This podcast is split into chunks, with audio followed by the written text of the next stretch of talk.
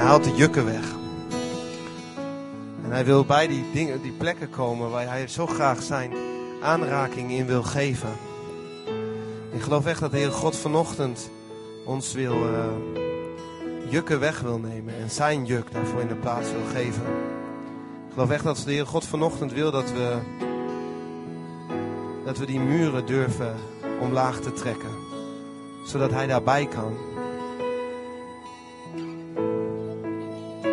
Heilige Geest, dank u wel, Heer, dat u komt met uw veiligheid, Heer. Want waar u bent, Heer, daar is vrijheid en er is uw veiligheid, Heer. Dank u wel, Heer, dat u bewerkt, Heer, dat we gaan bloeien voor uw aangezicht. Dat we beseffen, Vader, dat niet onze kracht is, maar uw kracht, Heer, waar we in mogen staan. Dat we beseffen, Heer, dat u door ons heen wil werken. Heilige Geest wil u uitnodigen, Heer. De vloer, Heer, is van u. Heer, we willen u uitnodigen. Doe, Heer, wat u doet. Uw liefdevolle aanraking, Vader. Uw tedere stem, Heer. En soms u die ons helpt, Vader, om even die muur te slechten, zodat u erbij kunt, Heer. Dank u wel dat u jaagt naar ons hart, Heer. Dat u jaagt naar ons te kennen, Heer. O Heer, we willen u ook kennen, Heer. Doe, Heer, wat u wil vandaag. Kom daarbij, Heer. Kom in die twijfel, Heer. Kom in die pijn, Heer. Kom in die boosheid, Heer. Kom in het ongeloof, Heer. En leid ons. Want u bent de trooster en de leider. Heilige Geest, wees welkom. Wees welkom, Heer. Wees welkom. We verwachten van u, Heer. Raak ons aan, Heer, vanochtend. Raak ons aan.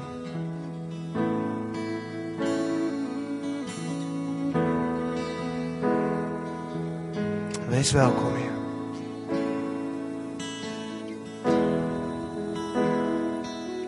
Wees welkom, Heer.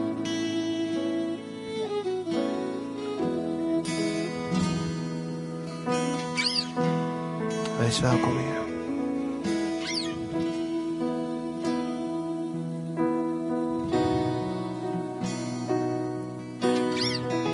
Wees welkom, Heer. Kom tot uw doel, Heer.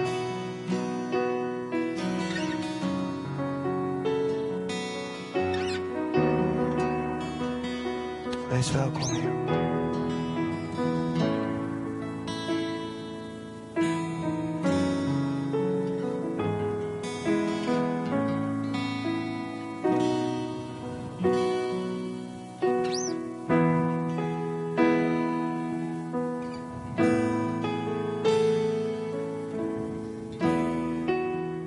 Maak harten zacht, Heer, waar ze soms zo hard voor u zijn geworden.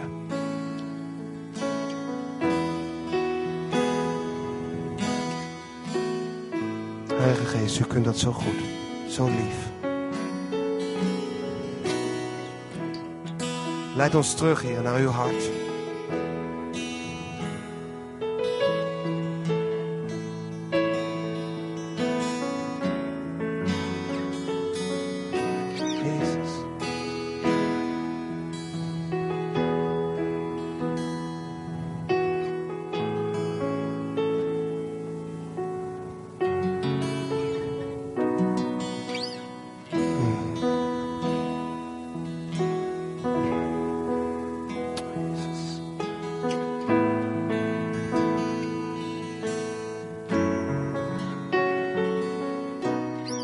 Giovanni, mag ik je vragen om naar voren te komen?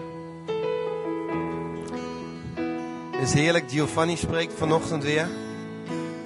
Giovanni, de uitlegger, ik vind het altijd zo dat je altijd zo heerlijk uitlegt, zodat ik het ook begrijp. Heerlijk. welkom, welkom. Zijn we blij met Giovanni, jongens? Het is heerlijk als eh, broeders en zusters uit ons midden het woord van God delen en doorgeven. Het is gewoon in ons midden, Gods salving, door Giovanni ook heen. En ik geloof dat het woord van de Heer is als een tweesnijdend zwaard. Dat is een feit, want het staat in zijn woord. En het woord van de Heer legt bloot, geeft scheidt het vlees van de geest. Vader, zo bid ik ook dat u Giovanni zegent, Heer, met vrijmoedigheid om uw woord te spreken. En laat het zo zijn, Heer, dat uw woord doet waar u het voor uitzendt. U zegt dat het nooit leeg terugkeert. Laat het die ene zin zijn, of dat die openbaring, Heer, die onze harten openmaakt voor u, Vader, nieuwe wegen openlegt. Laat het zo zijn, Heer, dat uw woord ook heiligt vanochtend, Heer. Want het is uw woord, Heer, wat blootlegt wat werkelijk in ons is. En wat u, wat u bewerkt en wat van onszelf is. Leg het bloot, Heer. Ook al doet het pijn. Maar daar kunt u wat mee. Zegen hem zo in Jezus' naam. Amen. Goedemorgen allemaal. Ik uh, had gisteren een uh, heel ander publiek. Toen, uh, en ik dacht eerst, toen Carla het voor het eerst zei, serieus dat het een geintje was dat ze dat, dat, ze dat zei. Gisteren sprak ik op een vrouwendag op Urk. Ik kwam binnen en ik werd met heel veel argwaan bekeken. En het is serieus. En die vrouw die zei, um, kan ik u helpen? Wat, eigenlijk, met andere woorden, kom jij hier doen? Maar dat zei ze heel netjes. Ik zei, ik kom voor de Vrouwendag. En ik had Jannik bij me, dus ja, gewoon een vader en een zoon, die kwamen binnen, zat zoiets, dat klopt niet. Ze zei, aha, en, en wat komt u doen? Ik zeg, ja, ik ben de spreker. Oh, oh, oh, en toen mocht ik gewoon verder. Ja, dat, was echt, wel, er stond iemand te praten en die had zoiets, ja, wat doe jij hier eigenlijk? Ik zeg, ja, ik werk mee in het programma. Oh, oké, ja, ja. Ik zei, wat, wat doe je dan? Ja, ik, ik, heb daar net gesproken. Oh, ik had zoiets, doe, doe even normaal. En eigenlijk, een van de dingen waarom ik denk, doe even normaal, is omdat de gast met de microfoon, die valt op. Maar die heeft het eigenlijk makkelijk. U denkt misschien, ja, alsjeblieft nooit de microfoon. Nou, dat moet u dan misschien ook niet doen. Maar het werk wordt niet gedaan van achter een microfoon. De gemeente is niet gemeente van achter een microfoon. Het koninkrijk van God is niet koninkrijk van God van achter een microfoon. Dat is iemand die soms eens wat zegt. Maar met z'n allen zijn wij gemeente. En met z'n allen zijn wij deel van het koninkrijk van God. En toen ik aan het bidden was voor vanochtend, was dat wat ik heel sterk op mijn hart kreeg. En ik heb niet een strakke drie punten preek met subpunten eh, um, en, en allerlei ingewikkelde um, uh, woorden vanuit het Grieks en het Hebreeuws en het Swahili en weet ik het. Um, maar het, het, er is misschien ook wel ergens een grond, het grondtaal van, weet ik veel. Maar waar ik aan moest denken toen ik aan vanochtend, eh, voor vanochtend bidden was, dat ik dacht, het gaat om de eenheid en het functioneren van de gemeente. En toen uh, was ik daarmee bezig. En toen kwam ik uit op Korinthe. En Korinthe is eigenlijk, als je dat, want wat, wat, dat is een beetje ons probleem, hè. Wij lezen de Bijbel heel fragmentarisch. Wij lezen een tekst en als het eventjes lukt, lezen we zelfs het hele stukje. En als we echt hardcore Bijbel lezen, doen we het hele hoofdstuk. Maar wij vergeten vaak de hele brief te lezen. Ook ik. En ik was zo aan het bladeren en toen dacht ik, wow, dit is heftig. Want, nou, Paulus die begint met een dankzegging. En dan gaat hij eerst een aantal issues aansnijden. Hij gaat gewoon hebben over, dit is hoe je met God bezig bent. Heeft hij het over partijschap, dat doen we niet aan. Dat is blijkbaar wel het geval. Dan begint hij over wijsheid, de goddelijke wijsheid tegenover de wereldse wijsheid. En wijsheid was toen, was toen cool, hè? Grieken waren cool. He, filosofen, dat was, dan was je echt de man.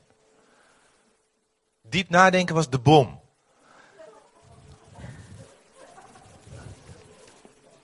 Ja, even voor de wat jongeren onder ons. Dat betekent dat het echt heel erg cool was. Ja.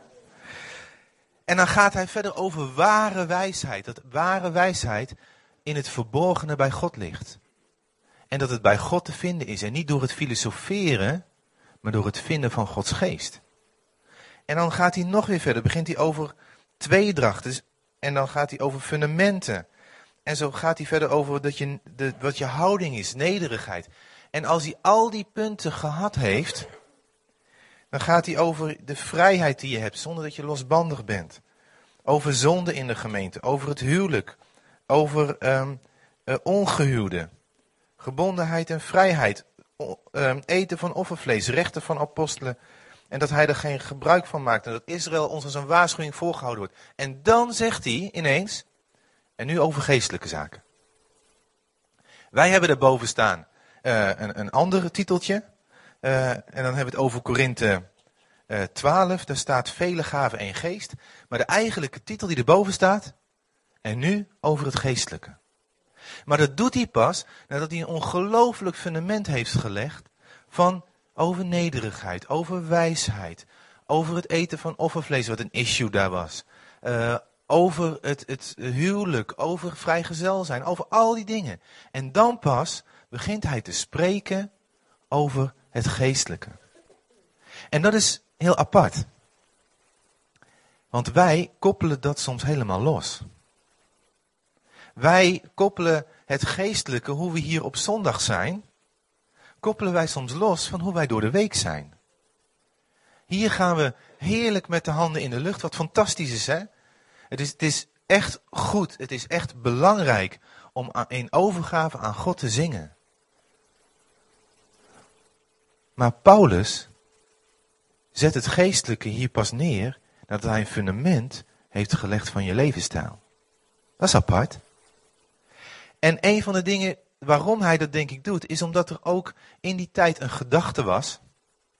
En die kennen wij, uh, die gedachte kennen we als de leer van de Nicolaïten. Er wordt in, in openbaringen wordt er gerefereerd. Dat je het lichaam en de geest moet zien als twee werelden.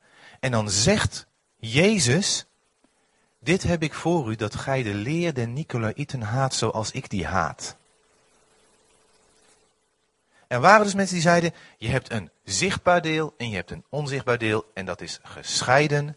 En wat je met het lichaam doet, heeft eigenlijk niet zo heel veel invloed op wat er met de geest gebeurt.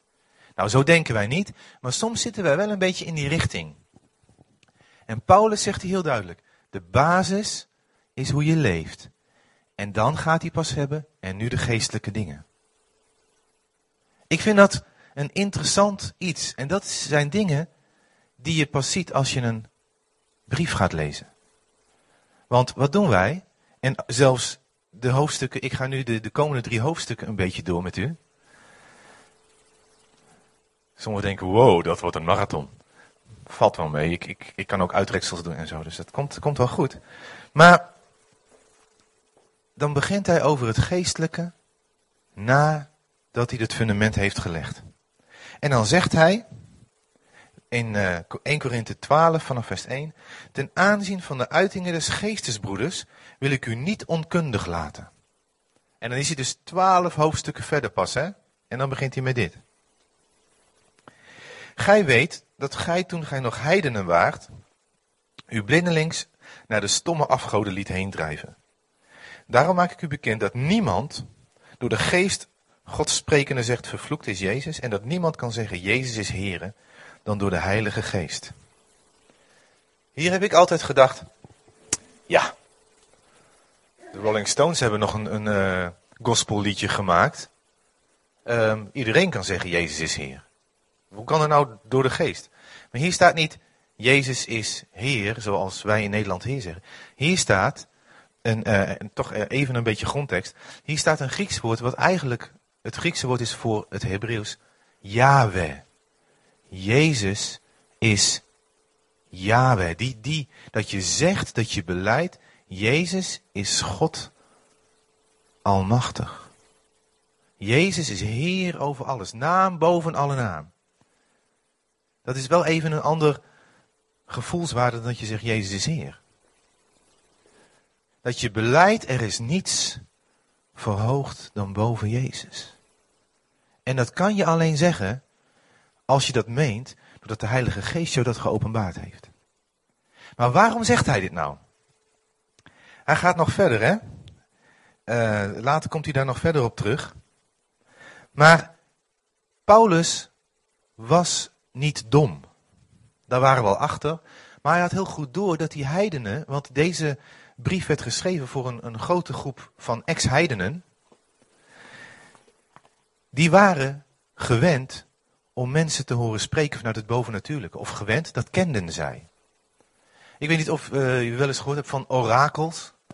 Van die, die mensen die dan ineens een andere stem kregen, echt zwaar duivels. En die dan ineens dingen begonnen uit te spreken in een geestesvervoering. Dat kenden zij. En dan vind ik het heel apart dat Paulus niet heel krampachtig gaat doen, hè? Dat hij niet zegt van, oh weet je, laat dat maar even zitten, want het zit een beetje te dicht bij dat. Nee, hij zegt, als ze zeggen Jezus vervloekt, als het tegen Jezus ingaat, als het Jezus niet verheerlijkt, kappen met die handel. Maar als het Jezus op de troon zet, gaan.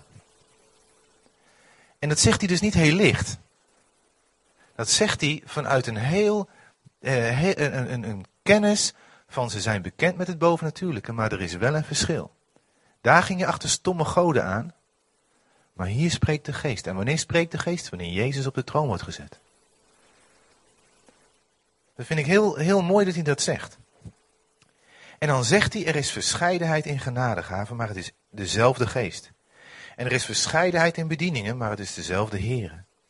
En er is verscheidenheid in werkingen, maar het is dezelfde God, die alles in alle werkt.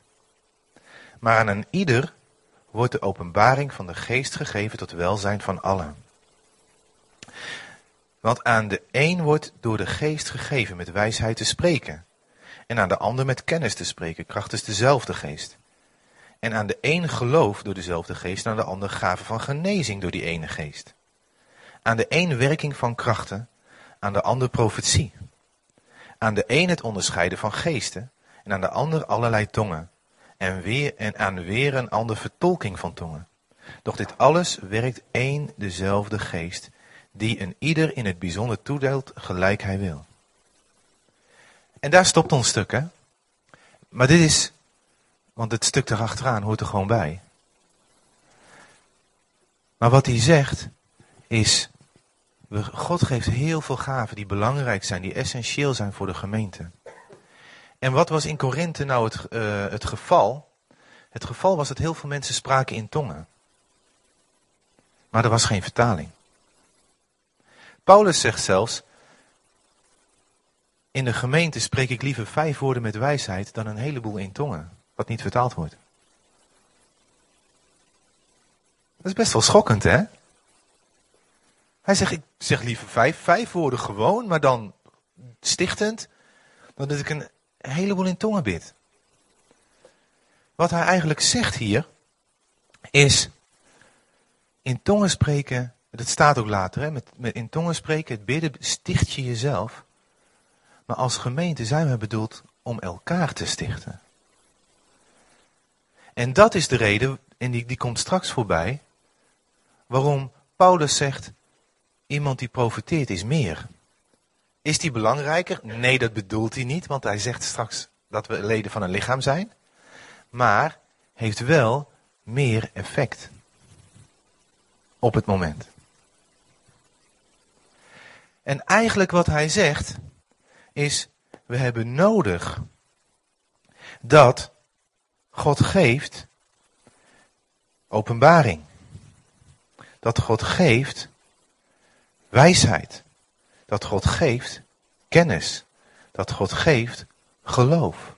Dat God geeft, ga zo maar door, alles wat hier staat, we hebben het allemaal nodig. En wat er gebeurt is dat we eigenlijk vaak focussen op een paar dingen.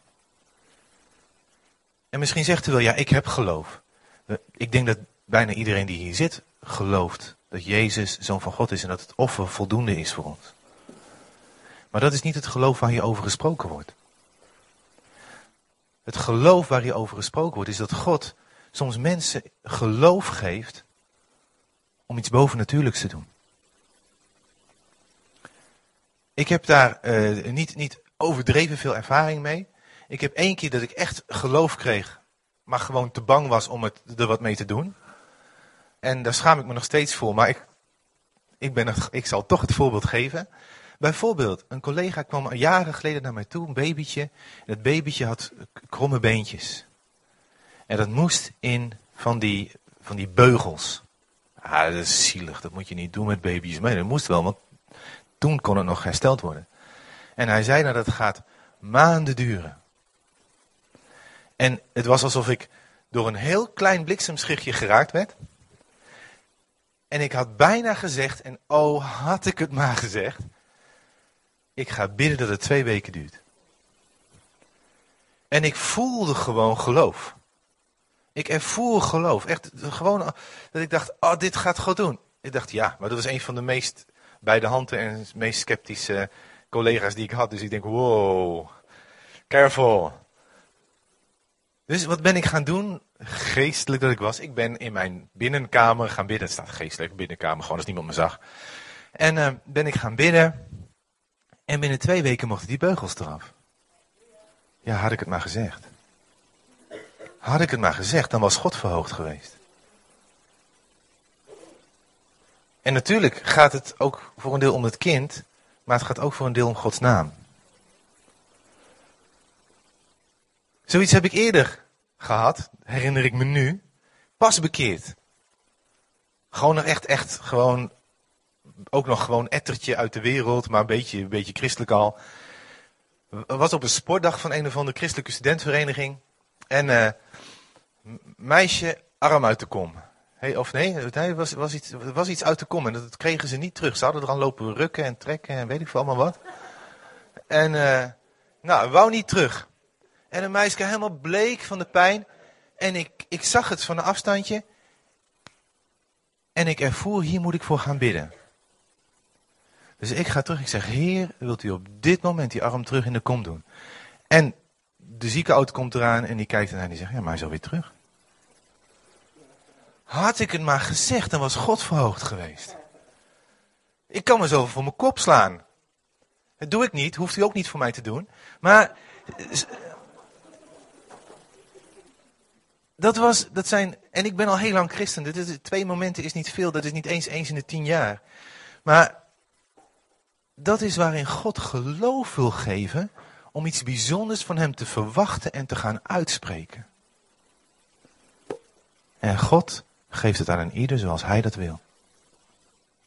Krijg je dat als je vijf sterren christen bent? Nee, er is wel een basis nodig. Dat laat Korinthe heel duidelijk zien. Is dat iets wat specifiek voor iemand is en specifiek voor een ander niet? De ene krijgt het wat vaker het ene en de ander wat vaker het ander. Maar God kan het aan iedereen geven. Zo kan God aan iedereen geven met wijsheid te spreken. Zelfs mij. Zo kan God het geven om met kennis te spreken. Boven natuurlijk kennis te spreken. En wat ik dan zo mooi vind, is dat hij eigenlijk hier zegt, en we hebben het allemaal nodig. Niks is beter dan het ander, want het komt allemaal uit één geest. En dan gaat hij verder. En dan zegt hij, want gelijk het lichaam één is en vele leden heeft, en al de leden van het lichaam, hoe vele ook één lichaam vormen, zo ook Christus. Want door één geest zijn wij alle tot één lichaam gedoopt.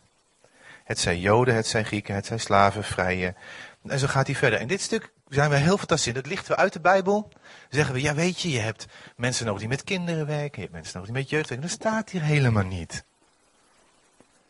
Er staat dat die dingen van de geest, want daar staat het achter hè. Dat die dingen van de geest elkaar aanvullen. En dat iemand die een profetie heeft niet moet zeggen, oh dat is wel even beter dan de gave van geloof. En iemand gave van geloof zegt, van mij, aan mij heb je tenminste wat, jij staat alleen maar wat te zeggen. Al die dingen hebben elkaar nodig. En de ene zal de ene moment meer opvallen en de andere, de andere het andere moment. Mensen die bijvoorbeeld op een, en deze lijst van dingen van de geest is niet volledig. Er zijn ook andere dingen die in de Bijbel genoemd worden, zoals bijvoorbeeld de gave van dienstbaarheid. En ze zijn allemaal nodig. En de reden waarom ik dit zo zeg, is omdat het zo super zou zijn als we met z'n allen in die breedte van God gaan functioneren. En we hebben allemaal wel een focus. We hebben allemaal wel iets waar we iets meer naar neigen binnen die, dit, lijstje, zeg maar. Maar dat we met z'n allen zeggen, ja, maar we hebben elkaar nodig, we zijn een lichaam. En we hebben nodig dat mensen met wijsheid spreken. We hebben nodig dat er geprofiteerd wordt. We hebben nodig dat er gave van geloof is. We hebben nodig. En ga zo maar door. En toen zag ik nog iets leuks. Want dan staat er een stukje terug. Even kijken waar die ook weer staat. Er is verscheidenheid in genadegaven, maar het is dezelfde geest. En er is verscheidenheid in bedieningen, maar het is dezelfde Heer. En er is verscheidenheid in werkingen, en het is dezelfde God, die alles in alle werkt. Het gaat dus niet alleen om de gaven, maar het gaat ook om de bedieningen. En het gaat niet alleen om de bedieningen en de gaven, maar het gaat over de werkingen. En die dingen samen zijn wat God wil doen. Wij koppelen de gaven soms los van wat we willen zien gebeuren. Gewoon, ik, ik chargeer graag, hè, dat, dat maakt het wat duidelijker. Als iemand een profetie heeft, vinden we het fantastisch. Maar eigenlijk wat er door uitwerkt, is bijna bijzaak. Want het gaat om, om dat God spreekt. Nee, het gaat om dat God uit gaat werken. Het is God die het doet. We hebben uh, binnenkort een, het, uh, opwekking en daar hebben we voor het jongeren uh, programma hebben als thema heel bewust gekozen, ook, ook voor gebeden, voor His name sake. Om zijn naams wil. En ik snap het niet helemaal hoor. Maar er staat een voorbeeld in de Bijbel dat iemand genezen wordt. En dan zeggen ze tegen Jezus, waarom wordt hij genezen? En denk je, nou, was gewoon een goede vent, die matsen we, die me genezen we. Nee, om de naam, om Gods naams wil. Zodat Gods naam verhoogd wordt. Wij denken heel vaak dat het draait om ons. En het draait God ook om ons, maar uiteindelijk draait het om Hem. En Hij wil door die geest bewerken. En daarom hebben we nodig niet alleen de gaven, niet alleen de bedieningen, niet alleen de werkingen, maar die drie moeten samengaan. En als die drie samengaan, dan is de sky the limit van wat God kan doen. Maar wel op het fundament van de elf hoofdstukken ervoor. Hè? Die kunnen niet het geestelijke en het natuurlijke loskoppelen van elkaar. En dan vind ik het, het en het is alsof die steeds een hoger niveau pakt. En dan zegt hij iets, en dat, dan moet ik zeggen, um, dat, dat vind ik iets wat ik ontzettend waardeer aan deze gemeente. Dat meen ik echt. En ik, ik kom in nogal wat gemeentes en ik zie dat het iets is wat God hier gegeven heeft door jullie heen. Door een groot aantal van jullie heen.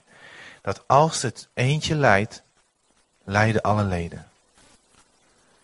En het is hier zo dat als er iemand in een revalidatiecentrum zit, het revalidatiecentrum moet zeggen van, hé, hey, doe maar even rustig aan, want dan krijgt een beetje veel bezoek.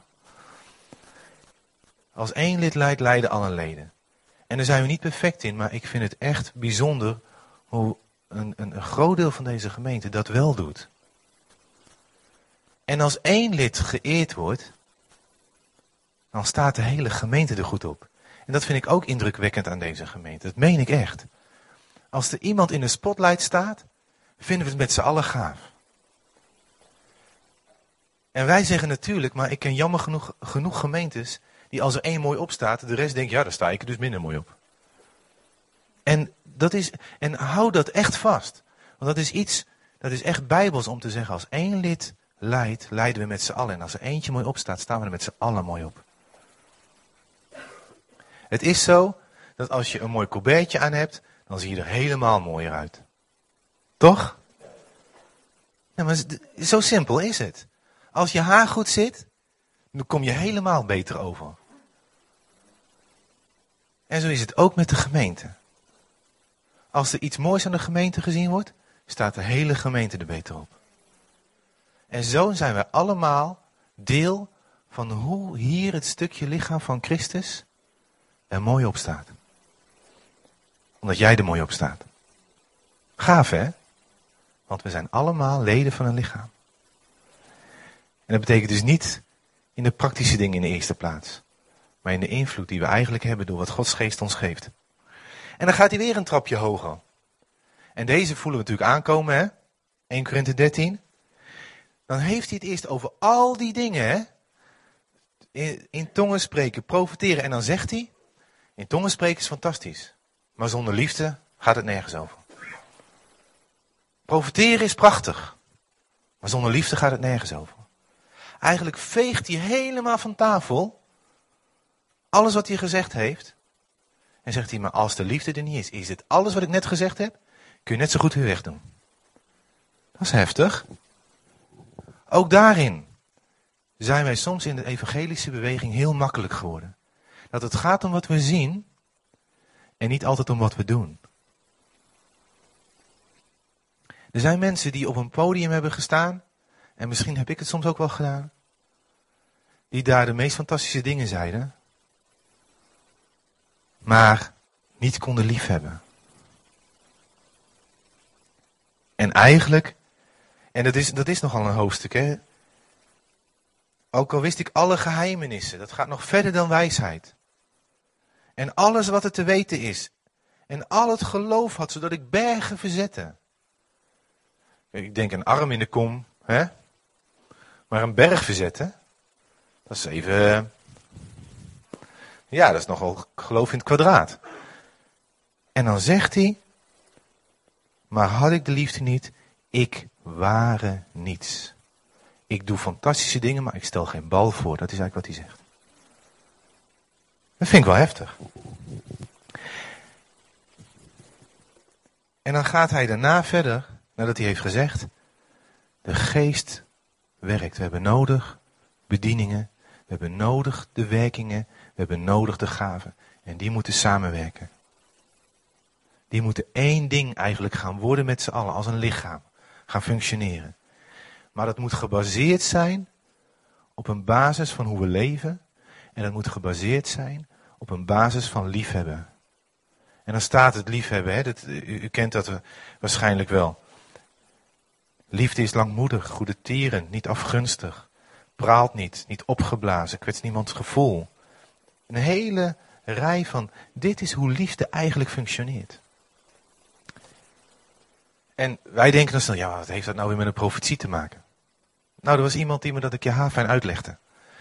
Ik heb een keer, uh, dus jaren geleden, en ik, ik was erg onder de indruk van de zalving die op die man rustte. Dat, dat echt, vond ik heel bijzonder. was een man die stond in een, in, ik weet nog, was een of andere collegezaal, maar dan met zo'n tribune. En er zaten wat mensen. En ik was nog niet zo heel lang bekeerd. Ik zat daar in een heel lelijk spijkerjek, een hele strakke broek en een kapsel waar ik nu niet meer mee gezien wil worden. En uh, ik zat daar en die man die, die, die was gewoon één van de mensen die mee was gekomen. Hij was niet de spreker, hij was gewoon een, een, een man die was meegekomen. En uh, zijn naam kon ik onthouden, want die vond ik wel grappig. John Paul Jackson. En die man die begon te profiteren. En hij zei, jij. En er was iemand die ik kende. En hij begon te profiteren. En ik dacht, wow, hoe kan dat? Er was zo'n autoriteit op zijn profiteren. Dat is echt bijzonder. En uh, ik dacht, als ik nou opvallend doe, krijg ik misschien ook wel een profetie. Dus ik met mijn afzichtelijke spijkerjek. Dat was allemaal net alsof er allemaal spijkerhoeken aan elkaar genaaid waren. Dat was echt lelijk. En, uh, en mijn, mijn bijzondere kapsel. Ik kauwgom. En ik, ja, ik ben natuurlijk niet heel kort. Dus ik bleef ook staan. Hè, zodat ik goed, andere mensen gingen wat staan en wat zitten. Dus ik, ik was goed te zien vanaf het podium. Dus, uh, en nou ja, moet je net God hebben, hè. Dus uh, die man die werd vertaald. En die vertaler dacht, oh, misschien heb ik ook wel een profetie. Dus die begon voor mij te profiteren. Maar dat ging gewoon echt helemaal nergens over. Dat was gewoon ja, heel goed bedoeld van die man. Maar die profetie ging gewoon, het was geen profetie, het was gewoon goed bedoeld. Had mij gewoon zien kouwen. En nou ja, hij heeft gewoon wat uitgesproken. Dus nou ja, daar ging mijn plannetje. dus, maar goed, dus je ziet, God voor een karretje spannen werkt niet zo goed. Um, maar wat ik, wat die profeet later zei, toen, want er werden hem vragen gesteld. Die zeiden, wat doe jij om zo Gods stem te verstaan? Eigenlijk was de vraag, geef mij tien stappen totdat ik ook zo ver ben als jij, hè? En toen zei hij, wat God van mij vraagt om dit te doen, is totale transparantie. Voor hem. Hij zegt, want als God mij een woord geeft, van bijvoorbeeld iemand die in zonde leeft, en ik ben zelf verwond, zal mijn profiteren verwond zijn. En als bijvoorbeeld iemand zegt, ik noem maar wat, iemand heeft moeite met whatever, verkeerde partijen stemmen, ik noem maar wat. Hij zegt, als ik verwond ben, zal ik zeggen, doe eens normaal. Ga er overheen, dit is wat in je leven is. Want mijn profiteren is verwond. Maar als ik helemaal transparant ben en God alles mag aanraken in mijn leven, wat er maar is, zal zijn liefde mijn hart vullen. En zal ik niet, ondanks dat God mij openbaart zijn zonde, zal ik niet zeggen stoppen met zondigen jij zondaar. Dan zal ik zeggen God heeft voor jou een weg om over deze zonde heen te komen. Het is hetzelfde woord van God. Maar het is een ander hart waaruit die profetie voortkomt. En toen dacht ik, profeteren zonder liefde is als een schallend koper zou je kunnen zeggen. Het is best wel pijnlijk aan de oren. En daarom is het niet los te koppelen. Daarom kun je niet zeggen, ik ga alleen voor de uitwerking en niet voor het fundament. En uh,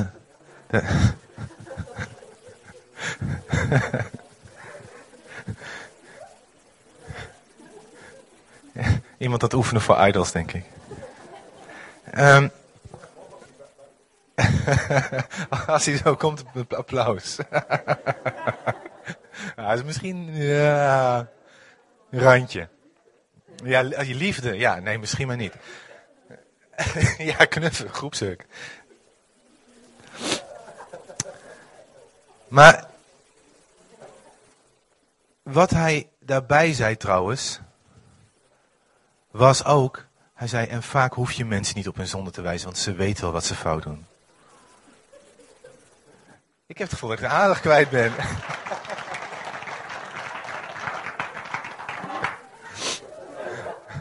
en we hoorden ineens wat.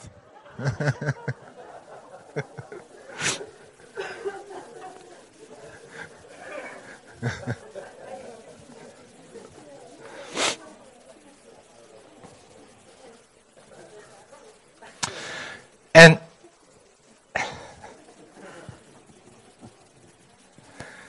goed. Wat, wat, die, wat, die, uh, wat die profeet zei, hij zei, ik hoef helemaal niet te, te profiteren wat mensen fout doen. Mensen weten wat ze fout doen. Wat voor mij is, is dat ik ze laat zien wat God met ze wil. En dat vond ik zo, dat, dat is jaren geleden geweest. Ik heb daarna jarenlang niks van die man gehoord. Later kwam ik erachter dat hij wat boeken had geschreven. Maar wat hij daar zei was, eigenlijk, als je liefde niet als de basis hebt, dan wordt het voor met de geest door je heen werken, wordt ook vanuit hoe jij bent. Als jij verwond bent, word je profiteren verwond, maar als jij liefdevol bent. Een heel goed boek, ja. Ja. Maar daarom snap ik, toen hij dat uitlegde, legde hij eigenlijk zo simpel uit. 1 Korinthe 13. En dat vond ik zo krachtig. Nou, dan staat er verder over tongen en profeteren. Ik wilde wel dat gij alle in tongen spraakt. 14 vers, hoofdstuk 14 vers 5. Maar liever nog dat gij profeteert. Wie profeteert is meer dan wie in tongen spreekt. Heeft meer effect, hè? Is niet is een beter mens of zo. Tenzij hij het ook uitlegt, zodat de gemeente stichting ontvangt. En blijkbaar, ik heb dat vroeger wel eens meegemaakt, dat er een, een, iemand in tongen iets uitsprak en dat er daarna iemand dat vertaalde. Maar het lijkt uit de mode. De laatste 15 jaar ben ik het eigenlijk niet meer tegengekomen. Ik weet niet waarom. Is dat omdat God het nu anders doet? Of is het omdat we dat stukje misschien wel kwijt zijn? Ik weet het niet. Ik weet nog wel dat wat er gebeurde was dat er iemand in tongen sprak. En er waren meer mensen die gewoon in tongen baden. Dat je ervoer, hé, hey, hier is wat anders. En dan begon iemand anders het te vertalen en dan dacht je, Niet helemaal, maar dacht je van, ja, dit klopt. Het is net alsof ik het eerder heb gehoord. Gewoon die, die klik van, ja, dit, dit, dit, dit hoort bij elkaar. En dan, dat, dan denk ik van, ja, dat is best, best apart. En waarom is dat met tongentaal? Ik weet het niet. Soms is het heel duidelijk waarom God het in tongentaal doet. Omdat er iemand is die die taal verstaat, gewoon omdat het zijn moedertaal is. Maar vaak doet God het zo en ik zou niet weten waarom. Maar God zal er een hele goede reden voor hebben. En als God er een goede reden voor hebt, hé, hey, wie ben ik om hem dat to question him, zeggen ze dat dan, hè? Ik weet niet, heeft u wel eens zo'n verhaal gehoord dat iemand in tongen aan het bidden was en dat iemand zei, hé, hey, dat is eigenlijk gewoon mijn moedertaal? Ja? Ik hoorde een keer een bizar verhaal. Misschien heb ik wel eens verteld van iemand die had een, een busje zonder stoelen erin. Hup, stoeltje uit. Liften erin.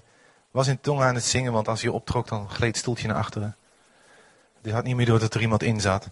En begon in tongen te bidden. En ineens begon achter in de bus iemand te huilen. Die zei, je hebt in het, de taal van mijn indianenstam perfect uitgelegd wat alleen God kon weten.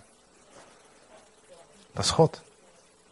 Maar dat betekent wel dat wij open, als we dat willen doen, open moeten zijn. En je mag in Nederland niet meer moeten zeggen. Hè?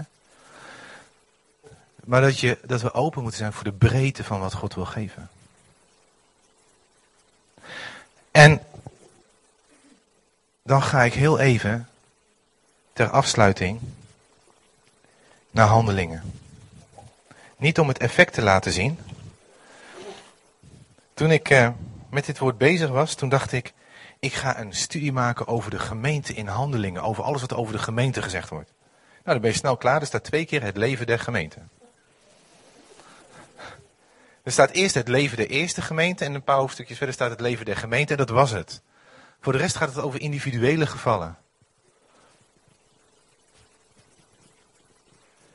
Maar er staat wel iets interessants. Toen ik het eerst las, Handelingen 2, vers 2 vanaf vers 42. Toen dacht ik, wat moet je hier nou mee? Dat is, snappen we toch wel? Maar ik snapte het waarschijnlijk gewoon niet. Nou, ik begin bij 41. Het leven der eerste gemeente.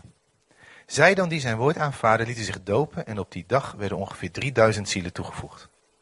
En zij bleven volharden bij het onderwijs der apostelen en de gemeenschap in het breken van de broden. En er kwam vrees over alle ziel en vele wonderen en tekenen geschieden door de apostelen. En allen die tot het geloof gekomen en bijeenvergaderd waren, hadden alles gemeenschappelijk. En dan staat er in vers 46, en voortdurend waren ze elke dag eendrachtig in de tempel, braken het brood aan huis en gebruikten hun maaltijden met blijdschap en eenvoud des harten. En zij loofden God en stonden in de gunst bij het gehele volk. En de Heere voegde dagelijks toe aan de kring die behouden werden. Dit is wat ik denk hoe een gemeente is als we in de breedte de Heilige Geest durven laten werken. Als we met z'n allen gemeente durven zijn. Op de basis van die eerste hoofdstukken en van de liefde. De eerste elf hoofdstukken van Korinthe en de liefde. En dan staan daar vier dingen. Ze zijn hongerig naar het kennen van Gods woord. Ze er staat hier, hè, ze bleven volharden bij het onderwijs der apostelen. Dat is wat een van de dingen is die daaruit voortkomt. We willen weten van God. We willen horen uit zijn woord. We willen groeien van wat hij zegt. Dan staat er, er is fellowship. Koinonia is dat woord, hè? Fantastische jazzrockband, een aantal jaar geleden. Maar dan, er is fellowship. Zij, er staat, zij bleven volharden bij het onderwijs der apostelen en ook volharden dus de gemeenschap, het breken van het brood en de gebeden. Zij gingen ervoor. Bij de mensen thuis gingen ze avondmaal vieren. Er was een, een hechte gemeenschap. En ze bleven bidden.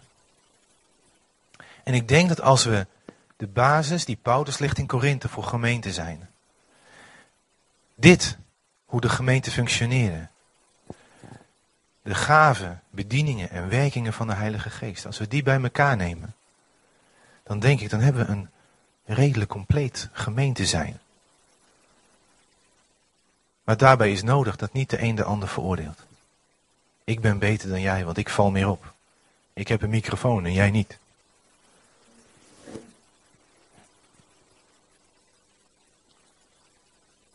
Is het belangrijk dat we misschien vanuit een, een manier van de ander hoger achter dan jezelf met elkaar omgaan? Dat we niet zeggen, hé, hey, wat ik doe is eigenlijk wel beter, maar ach, die ander moet het toch ook zijn. Want je zou bijvoorbeeld kunnen zeggen dat het leiderschap van de gemeente het hoofd is. Maar haal er het lijf is onderweg en je hebt een probleem. Gewoon even heel plastisch, hè?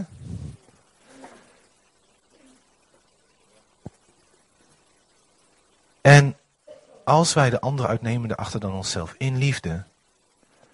En we zoeken God in gebed. En we gaan achter het onderwijs aan wat we krijgen. Wauw, dan gaan we als in de breedte als gemeente functioneren. En wat gebeurt er dan? Dan gaat God toevoegen. Waarom? Want dat is een plek waar zijn geest functioneert. Dat is een plek waar zijn liefde functioneert.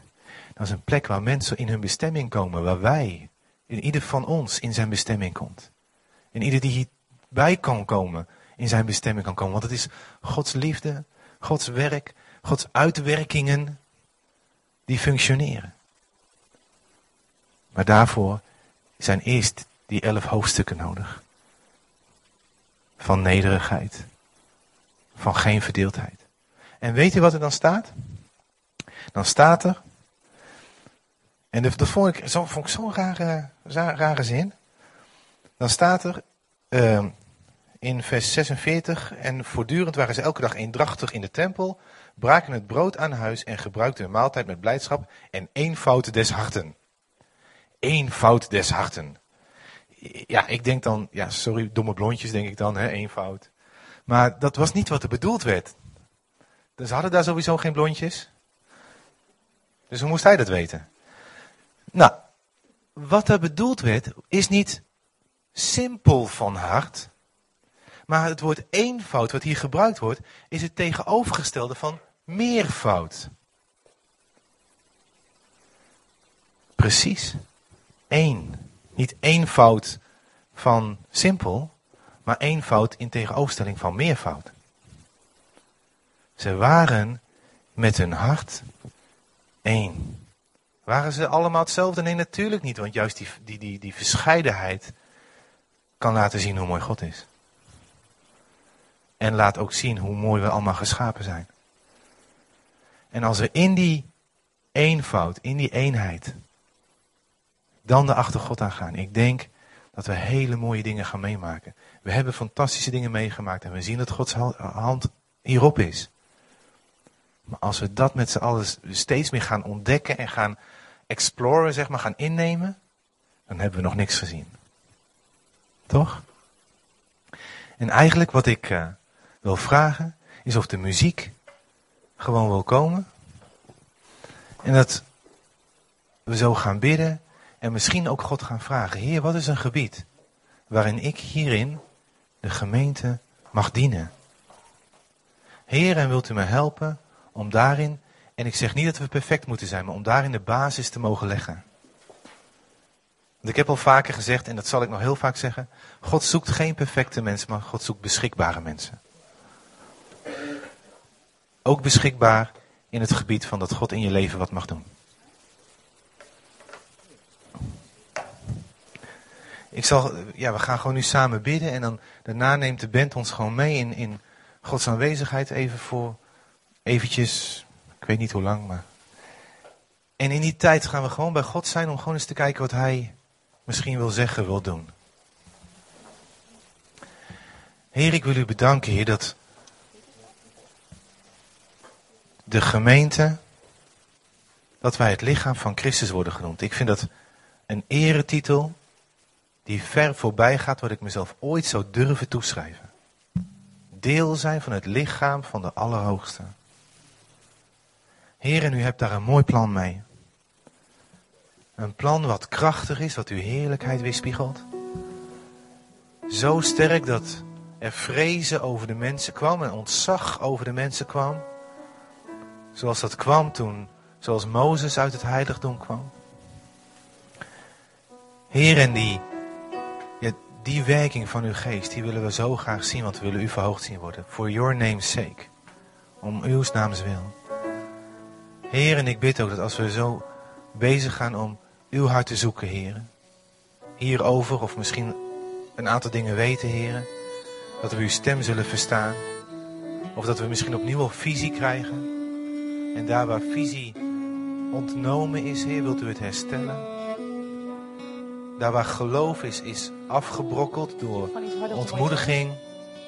Heer, dat u het gaat herstellen, Heer, en dat u ons gaat helpen om in die breedte te gaan denken, te gaan functioneren en te gaan zegenen. Wat betreft de bedieningen, de gaven en de werkingen. Heer, wilt u het doen, Heer? Spreek toch met uw geest op dit moment.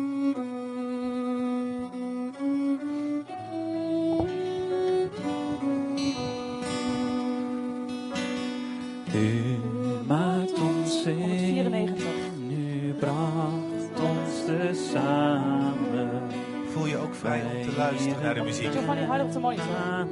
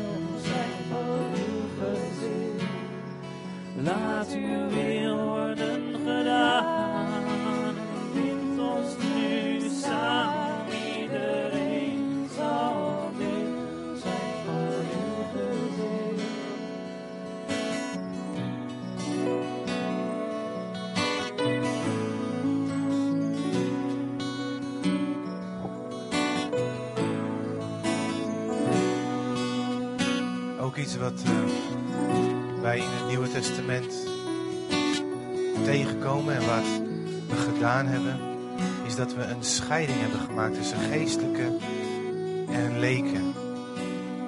Omdat het zo was in het Oude Testament. Maar we hebben het opnieuw gedaan dat het veiliger is. En ook dat is wat de Nicolaïten leerden en waar Jezus een ongelooflijke hekel aan heeft. Wij zijn allemaal in Christus. En er is geen hogere plaats dan in Christus. En die plaats is voor alle heiligen. En wie zijn de heiligen? Allen die door Jezus gered zijn. Dat zijn de heiligen, want zij zijn geheiligd. Dus er is geen verschuilen achter, ja, maar ik ben niet een geestelijke, ik ben maar een simpel iemand. Wij zijn allemaal in Jezus en dat is de hoogste plaats die een mens kan bereiken. En daar zitten we niet de ene vooraan, de andere achteraan, zitten we allemaal naast elkaar. En laat er niet dat je alibi zijn om niet mee te doen. Want in Christus ben je geroepen om, dat, gewoon te doen waar God jou voor wil gebruiken.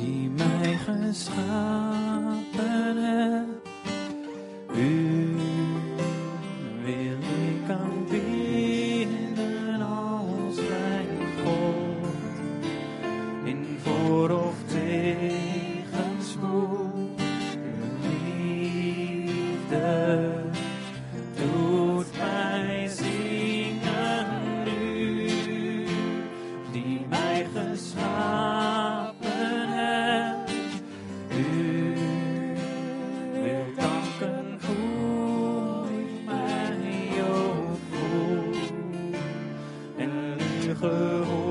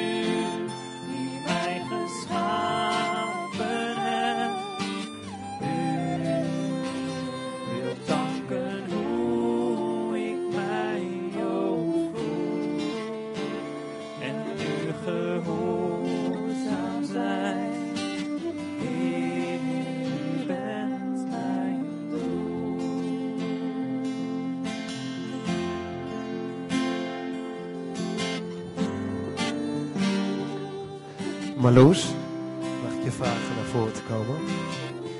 Het is geweldig, voordat, nog voordat Giovanni een uitnodiging gaf om te vragen aan de Heilige Geest, wat heeft u voor mij? eh, begon God al tot Marloes te spreken, denk ik. En gaf een beeld. En, eh, en we wil elkaar vragen van te getuigen. Eigenlijk was het al voor de preek, met als gevolg dat ik de hele preek mijn hart dus zo bonkte. Ik dacht, nou, ik kan nu toch maar zeggen, anders versta ik niks meer van de preek. Maar in elk geval, ik zag eh, een soort beeld voor me van, eh, van een woestijn, een hele gebarsten grond. Waar dus eigenlijk niks groeit. En in die woestijn groeit een hele mooie roos. En die zag er echt uit alsof, er, nou ja, alsof die in de mooiste tuin geplant was. Hij was helemaal groen en levend en de dauwdruppels lagen er bijna bovenop. En ik weet het niet zeker, maar misschien is het voor een van jullie of voor meer mensen of misschien wel voor ons allemaal. Maar die roos die kreeg geen voeding uit de grond. En misschien ben jij in een situatie dat je geen voeding krijgt eh, van de plekken waar je het verwacht had of waar je het nodig had. Maar God geeft die voeding en hij zorgt dat die roos eh, groeit, zelfs in de woestijn. Dankjewel, dankjewel.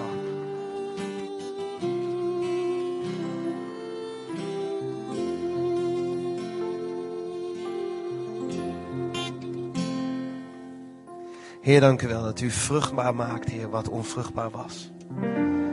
En dank u wel, Heer, dat uw woord nooit ledig terugkeert en dat het doet waarvoor het uitgezonden wordt. Heer, laat dit woord wat Giovanni ons zo gebracht heeft, Vader, Heer, laat het uw leven voortbrengen, Heer.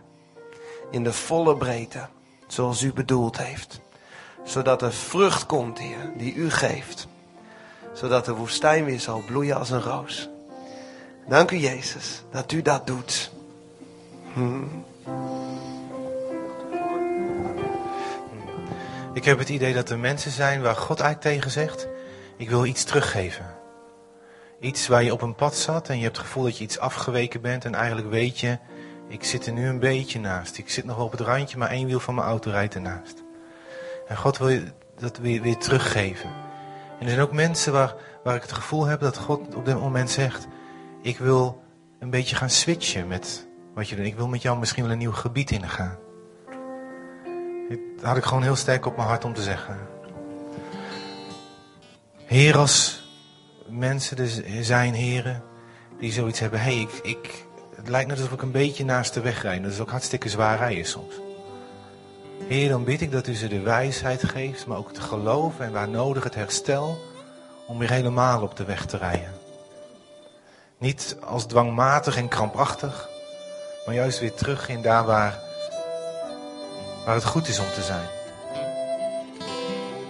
En de mensen die, die, waar, waarvoor u wat nieuws hebt, Heer, ik bid dat u tot ze spreekt maar, en ze geloof geeft, maar ook passie en visie om dat gebied in te gaan. Dat het is als een deur die open gaat naar een heerlijk verlichte ruimte en dat God zegt, hier heb ik een nieuwe plek voor je. Een nieuwe gebied om te functioneren.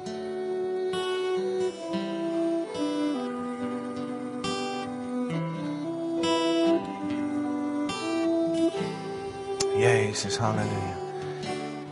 En als je een van die dingen ervaart of gewoon ervaart dat God wat doet, ontvang maar van hem. Als je je handen gewoon wil voor je houden om te ontvangen, hou, hou je handen maar voor je om van hem te ontvangen.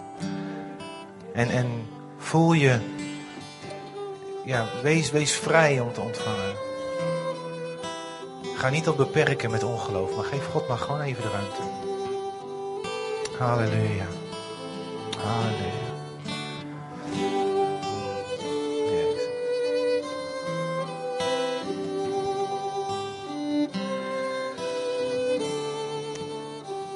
Als je wil, zing maar lekker mee.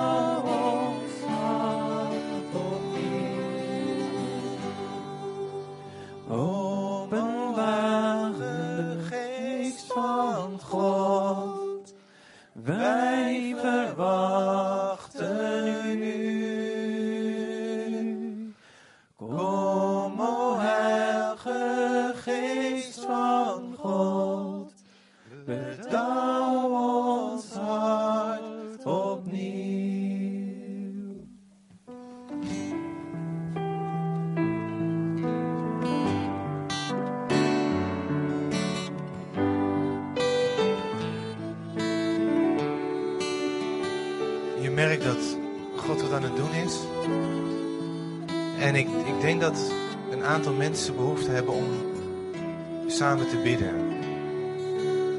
Of om samen met iemand te bidden. En ik wil eigenlijk gewoon daarvoor, als je dat wil, met de mensen die zeggen: Ik wil gewoon even samen bidden. Of ik wil gra- graag eh, gebed. Kom gewoon naar voren en dan nemen we daar tijd voor. Als je het niet voelt, moet je het ook vooral niet doen. Maar als je weet, het is gewoon goed om, om te doen, dan eh, kom, kom gewoon lekker naar voren en dan ga samen met iemand naar Gods troon. En eh daar nemen we gewoon om, om naar voren te komen de tijd voor als we nog eh, dit of een ander lied zingen. Dat is even aan jullie. En daarna sluiten we de dienst officieel zeg maar af. Maar voor die mensen die zeggen, ja, maar ik heb behoefte aan gebed, dan, gaan we, dan, dan nemen we gewoon lekker de tijd om bij God te zijn in gebed. Ja?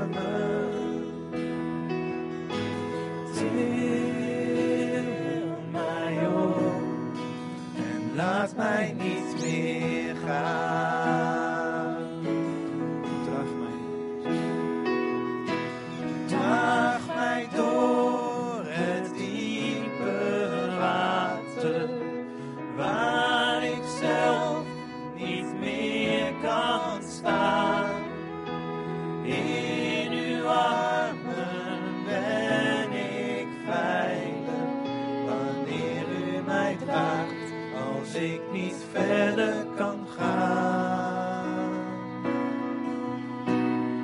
Ik mag heel dicht bij u zijn. Als een kind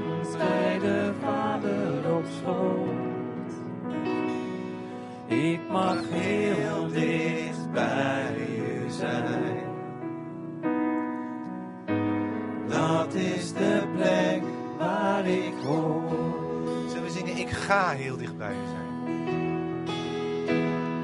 Ik ga heel dicht bij u zijn. Als een kind bij de vader op schoot. Ik ga heel dicht bij u zijn. Ik ga heel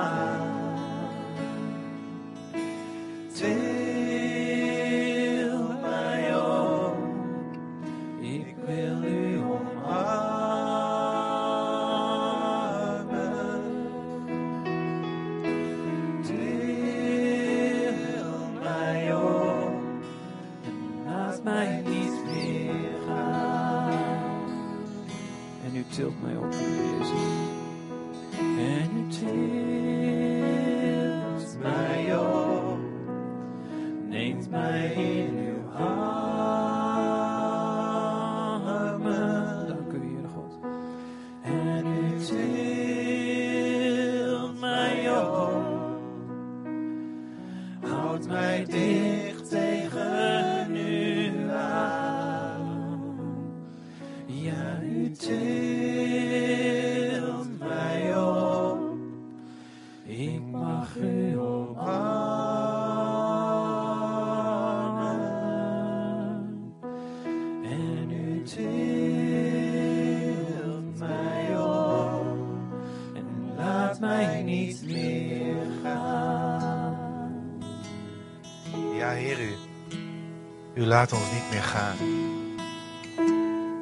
Als het aan u ligt, zijn we voor altijd bij u.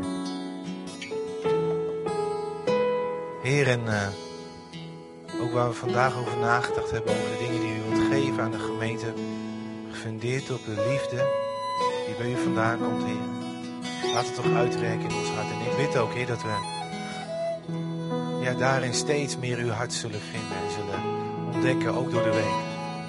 En zo bid ik dat u met ons gaat. Bid ik dat uw zegen en uw geest met ons zal gaan, ons zal leiden en zal leren. En op ons zal rusten. Heer, zodat we u zullen meemaken, maar ook dat anderen u zullen meemaken. Door ons heen. Heer, wilt u zo uw zegen op ons leggen. En bij ons zijn deze komende week. En daarmee zegen ik ook jullie in Jezus' machtige